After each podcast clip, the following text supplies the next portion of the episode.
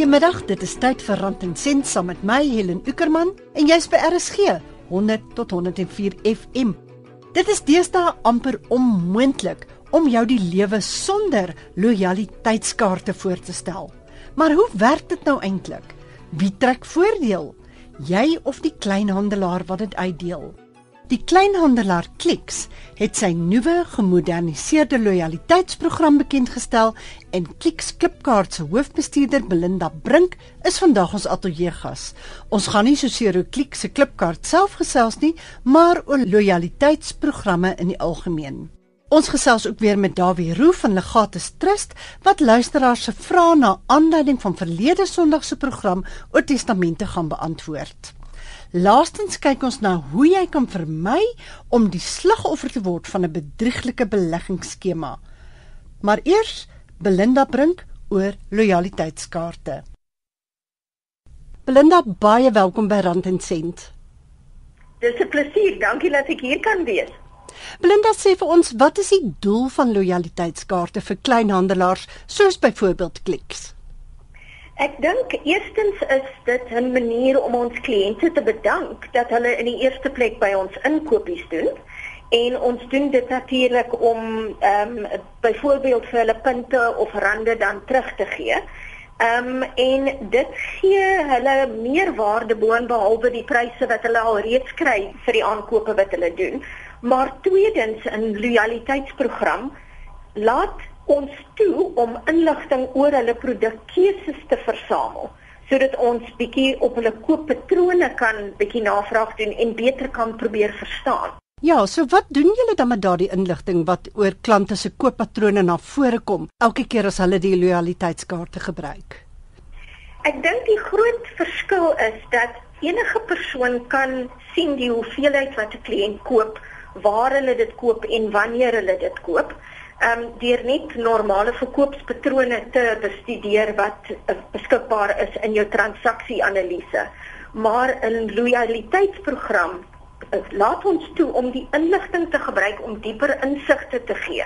Soos byvoorbeeld as 'n uh, mens dit oorweeg om 'n nuwe produkkeuse in te bring, dan laat dit jou toe om te sien watter tipe neigings sou kliënte uh, bring en ehm um, dit laat ons ook toe om innovasie in te bring in die mark. Omdat jy dan die kliënte se behoeftes beter verstaan. Presies dit. En jy kan natuurlik dan ook dieper ingaan deur direk met van daai kliënte te skakel en vir hulle opinies te vra en selfs vir hulle produk ehm um, voorbeelde te kan gee wat hulle kan kyk en bestudeer en selfs gebruik om hulle insigte te gee. Daardie inligting wat jy insamel, Is dit veilig? Word mense privaatheid enigsins daardeur bedreig?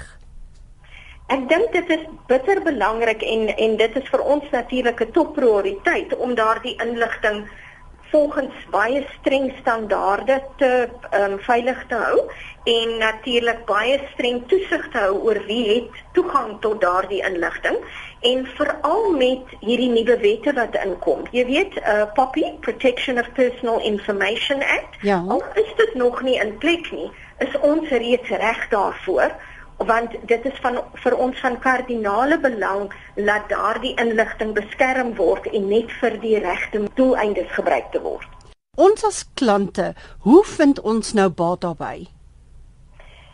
Kyk, vir ons is dit natuurlik dit help ons definitief om vir die klante beter produkkeuses te bring so innovasie soos wat ek vroeër gesê het, te sorg dat daar meer verskeidenheid is want omdat die landskap so gedurig verander, 'n mens moet bybly en nuwer opsies vir die klante gee en dit laat ons toe om daardie navorsing te doen en by ons kliënte te leer en vir hulle te gee waarvoor hulle vra. Dit is bitter belangrik dat enige kleinhandelaar luister na wat hulle kliënt soek.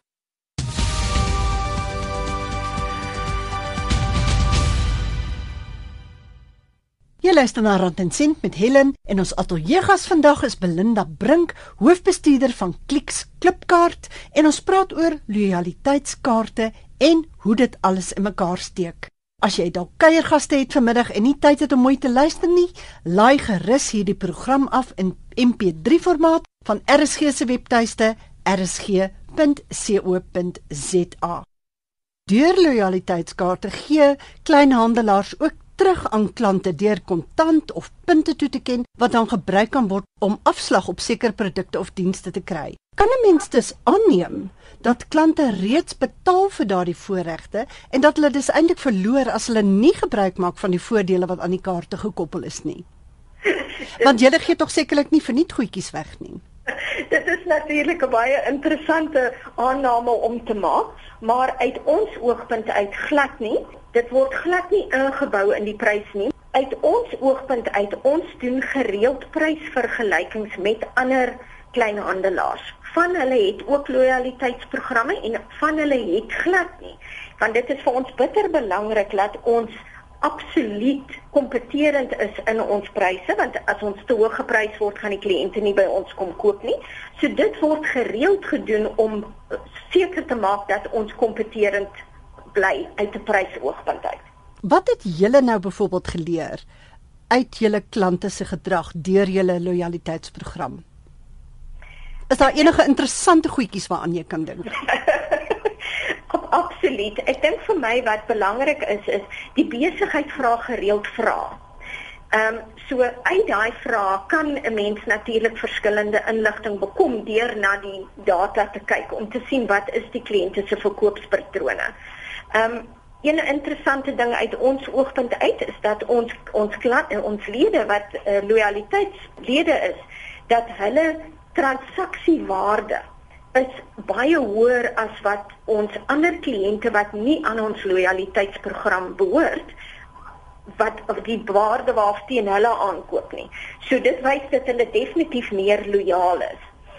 Die ander ding natuurlik is dat ons die kliënte kan omdat hulle daai lojaliteit het teenoor ons is dat ons kan hulle kontak en dan kan ons met hulle navorsingssessies hou en daai interaksies hou waar ons hulle kan vra oor klein dingetjies soos diens. Wat dink hulle daarvan? Die ure wat ons oop is?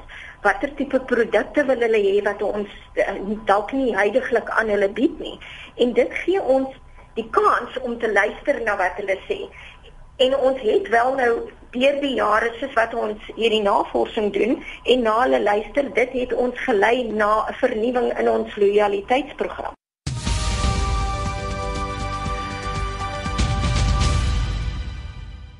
Nou ja, dit was Belinda Brink van Kliks oor lojaliteitskaarte. Daar was na verlede week se program oor testamente en wie mag erf en wie nie, heelwat navrae van luisteraars. Ons het 3 gekies en vir Dawie Roo, fidusiëre konsultant van Legatus Trust, ons gas van verlede week, gevra om die luisteraars te antwoord. Olivia Sambo van ons Kaapstadse ateljee het die insetsel vervaardig. Anoniem wil weet dat indien een van 3 erfgename hier geld wat vir die testateur toekom wederregtelik vir homself gebruik en die huurgeld 'n eis teen die boedel word, word die eis teen die totale boedel ingesluit of net teen die erfgenaam wat die huurgeld geneem het se deel. Die eksekuteur sal daai geld dan direk van die erfgenaam vra. Nie van die hele boedel nie, maar van daai spesifieke erfgenaam. Dit gebeur nogal redelik gereeld veral in gevalle waar erfgename byvoorbeeld na dood uh, geld sal uit die oorledene se rekening uittrek. Kom ons sê byvoorbeeld daar's nou drie kinders wat wat erf en een van die kinders het nou toegang tot die kaart gehad en daai kind trek byvoorbeeld geld uit die oorledene se rekening uit na datum van dood. Dan sal die uh, eksekuteur dan daai bedrag wat hy dan getrek het, sal dan van hom vra. Ja, jy sal natuurlik uh, onmiddellik met die eksekuteur in aanraking kom en vir die eksekuteur sê wat die die toedrag van sake is. Die eksekuteur sal dan die uh, saak dan dan van daar verder vat. Die eksekuteur is altyd jou beginpunt. Dawie waarsku dat jy nugter en realisties moet wees wanneer jy 'n testament opstel, want baie kere met die dood kom mense se lelike kant na vore. As daar afsterwe is, dan kom die aasvoëls uit. Dit is ongelukkig uh, so, dit is baie hartseer, maar ongelukkig is dit so. Uh, en dit is dan een van die redes hoekom mense ook baie versigtig moet wees as jy jou testament opstel dat jy uh, hierdie goed voorsien en sê hoorie dit is nou wonderlik weet my my kinders en die stiefma kom nou lekker goed oor die weg maar as ek die dag wegval is sal dit nie noodwendig die geval wees nie. Dan wil Suzette stryd om weet of daar nie 'n trust gestig en geregistreer kan word waar alle geldelike testamente gehou kan word nie. Sy glo dit sal moontlik bedrog rondom testamente verhoed. Ons het nie so registerstelsel in die land nie. Dit is eintlik 'n uh, ongelukkige situasie, maar dit is ook onprakties. Jy sal nie so iets kan hê nie omdat jy uh enige mens kan per enige tyd 'n testament wysig of 'n nuwe een opstel. Die maklikste om nou die beste van die saak te maak is om seker te maak dat jou testament is by 'n plek soos 'n trustmaatskappy wat dit in veilige bewaring vir jou. Nog 'n luisteraar sê hulle is binne gemeenskap van goedere getroud, maar hulle wil baie graag aparte testamente opstel. Jy kan aparte testamente opstel al is jy binne gemeenskap getroud, jy moet net in oog hou dat as jy binne gemeenskap getroud is, uh, het jy helfte van die bates en jou gade het helfte van die bates. So jy kan dan net oor die helfte van die bates kan jy beskik uh, as jy dan 'n uh, enkel testament het. 'n Testament vorm een van drie dinge wat jy nodig het om jou boedel suksesvol af te handel. Met 'n testament moet jy verkieslik, moet jy ook uh, gebruik maak van 'n finansiële adviseur wat weet wat hy doen want want jou testament is nie 'n losstaande ding van jou finansiële uh, advies nie en ook nie van jou hele finansiële milieu nie. Jou testament vorm deel van jou hele beplanning rondom jou finansies. En as jy nou van 'n finansiële adviseur gebruik maak, dan gaan hy presies daai dinge vir jou uitwys. Hy gaan vir jou sê, "Goed, hier is jou testament. Ehm um, jy bemaak nou jou jou huis van jou vrou. Julle is binne gemeenskap getroud. Dit is nou al pragtig en wonderlik. Ehm um, maar onthou nou, hierdie huis is nou in julle albei se name geregistreer. As jy nou die dag doodgaan, gaan jou helfte op haar naam oorgedra moet word en daar's kostes. Jy het eksekteurskoste, daar's oordragskoste van die prokureur, daar's meesterskoste en dan gaan daai finansiële adviseur vir jou sê die harde werklikheid is dat om hierdie huis nou in jou vrou se naam te kry, gaan geld kos en dan maak hy vir jou 'n uh, beplanning en hy hy doen vir jou ontleding en hy sê dit is min of meer wat jy gaan nodig hê as jy die dag te sterwe kom. Dan kan hulle vir jou help voorsiening maak sodat as daai man dan die dag te sterwe kom, is daar voorsiening gemaak. Sodat jy nie wag tot jy die dag 60 jaar oud is en dan sien nou te oud om versekerings te kry byvoorbeeld nie of uh, weet jy het een of ander probleem nie. So as jy vroeg begin, dan kan jy vroeg voorsiening maak so sodat wanneer daar iets met jou gebeur dat jou gade en jou kinders wat moet erf dan nou nie in 'n situasie sit waar hulle uh, dalk sal moet inbetaal om te erf of glad nie die bates sou kan erf nie omdat daar te veel skuld is nie. Mense word in baie gevalle wreed ontnigter oor die koste daaraan verbonde om die boedel af te handel. Weet wat interessant is Olivia, as baie mense maak nie daai koneksie tussen die boedel, die testament en sy finansiële beplanning nie. Uiteindelik vorm daai drie goed soos 'n legkaart wat in mekaar pas. Hou dit eenvoudig, hou dit werkbaar, hou dit prakties uitvoerbaar jy moet op 'n punt kom en sê hoorie ek het nou bates iets moet met hierdie bates gebeur as ek nie daar is nie wat moet daarmee gebeur en dan vat jy hom van daar af en dan begin maar by 'n finansiële adviseur ek, ek kan nie genoeg dit benadruk dat jy by 'n finansiële adviseur uitkom om om jou te help nie want dit is duur om dit te gaan dis 'n harde realiteit ek kom by gevalle waar vir al ons ouer mense waar hulle het nou bates bymekaar gemaak nou goed maar daar's nie daar's nie kontant om hierdie goed oor te dra nie. Dis dis hartseer. Jy weet dan sit jy tannie jou met sulke groot oë en kyk en sê maar weet wat nou. Dan sit dit te laat. Jy kan nie daai persoon help nie. As jy so weer eens sê ek kom by 'n finansiële adviseur dat hulle vir jou vroegtydig sê hoor hier kan ons 'n plan maak. Dit was Olivia Sambo en sy het gesels met Dawie Roo, fidusiëre konsultant van Legatus Trust, 'n maatskappy wat spesialiseer in die opstel van testamente, boedelbereddering en trusts. Julle kan vir Dawie kontak via e-pos by dawielegatus@gmail.com of bel Legatus se hoofkantoor by 0861 722 626 in kantoorure. Besoek die webtuiste van Legatus Trust by www.legatus.co.za. Legatus L E G A T U S. Ek vertrou die van julle wie se vrae beantwoord is, het nou 'n beter prentjie van hoe testamente werk en veral dan in julle eie unieke omstandighede.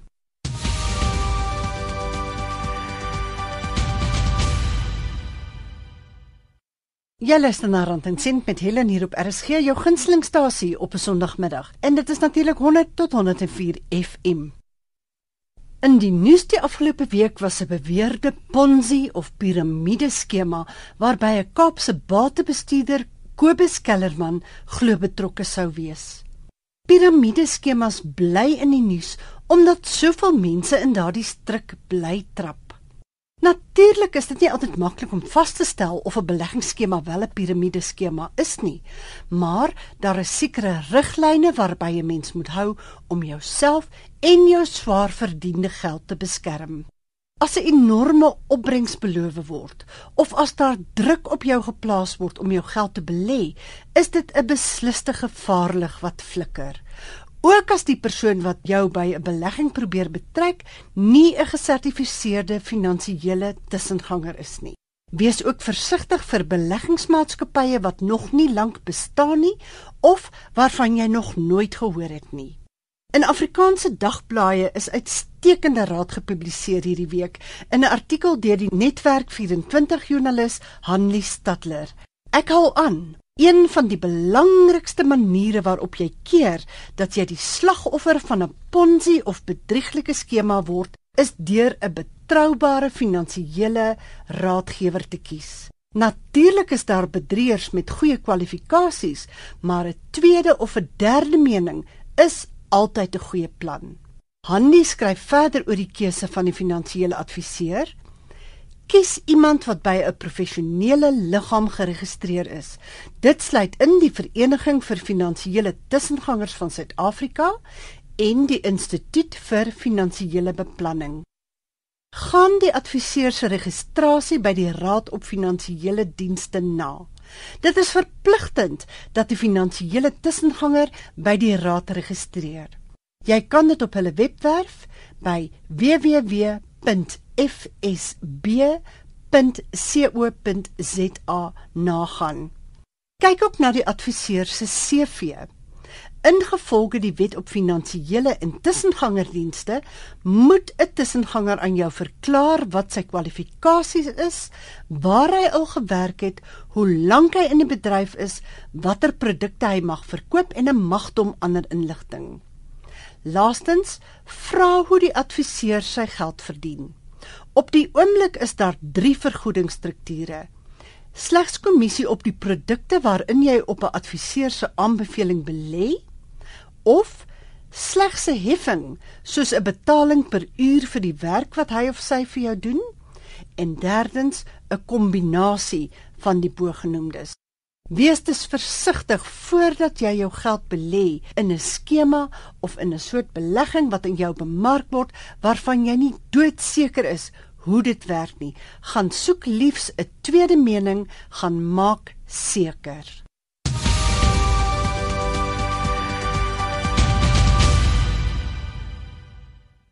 En nou is dit tyd vir ons weeklikse geldwenk, weer behartig deur Olivia Sambu.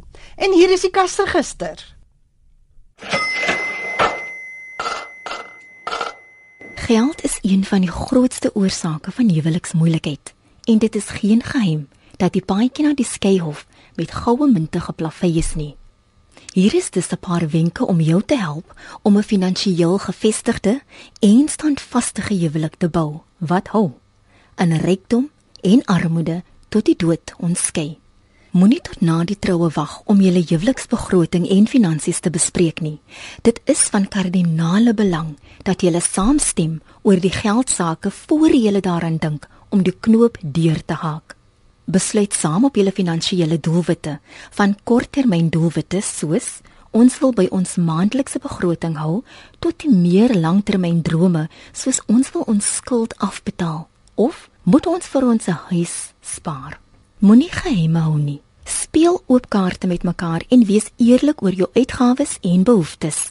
Dink so daaroor. As jy skuldig voel en nie vir jou huweliksmaat van 'n kopie wil vertel nie, is dit 10 teen 1 iets wat jy nie veronderstel is om te koop nie, vir watter rede ook al. Raak ontslaaf van die skuld so gou as wat jy kan en probeer ten alle koste skuld in die toekoms vermy. Tensy dit natuurlik by iets soos huiskoop kom. Hou familie en vriende uit julle sake. Maak 'n punt daarvan om nooit jou persoonlike of finansiële sake buite die huwelik te bespreek nie. Hierdie wenke van trouinspirasie.co.za.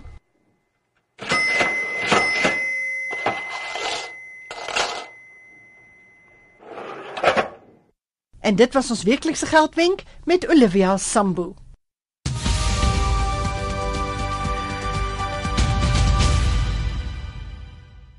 Ons ateljeegaste vandag was Belinda Brink, hoofbestuurder van Clicks Klipkaart en Dawie Roo, fidusiëre konsultant van Legatus Trust, 'n maatskappy wat spesialiseer in die opstel van testamente, boedelbereddering en trusts wat so flink van ons luisteraars se vrae beantwoord het. Baie dankie aan julle twee en natuurlik ook aan Olivia Sambo wat die insetsel met Dawie en ons weeklikse geldwenk behartig het.